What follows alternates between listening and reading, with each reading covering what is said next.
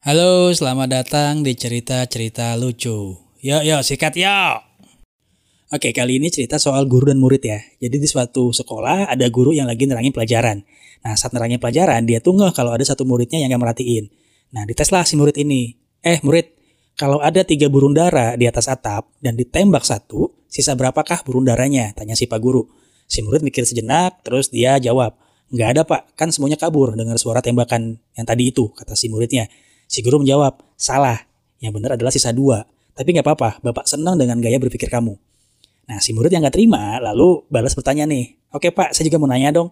Kalau misalnya ada tiga cewek keluar dari toko es krim. Yang pertama, jilat es krimnya. Yang kedua, ngisep es krimnya. Yang ketiga, gigit es krimnya. Menurut Bapak, dari tiga cewek ini, mana Pak yang udah kawin? Si guru berpikir sejenak lalu menjawab, ya yang ngisep es krimnya lah. Terus si muridnya jawab, nah salah bapak.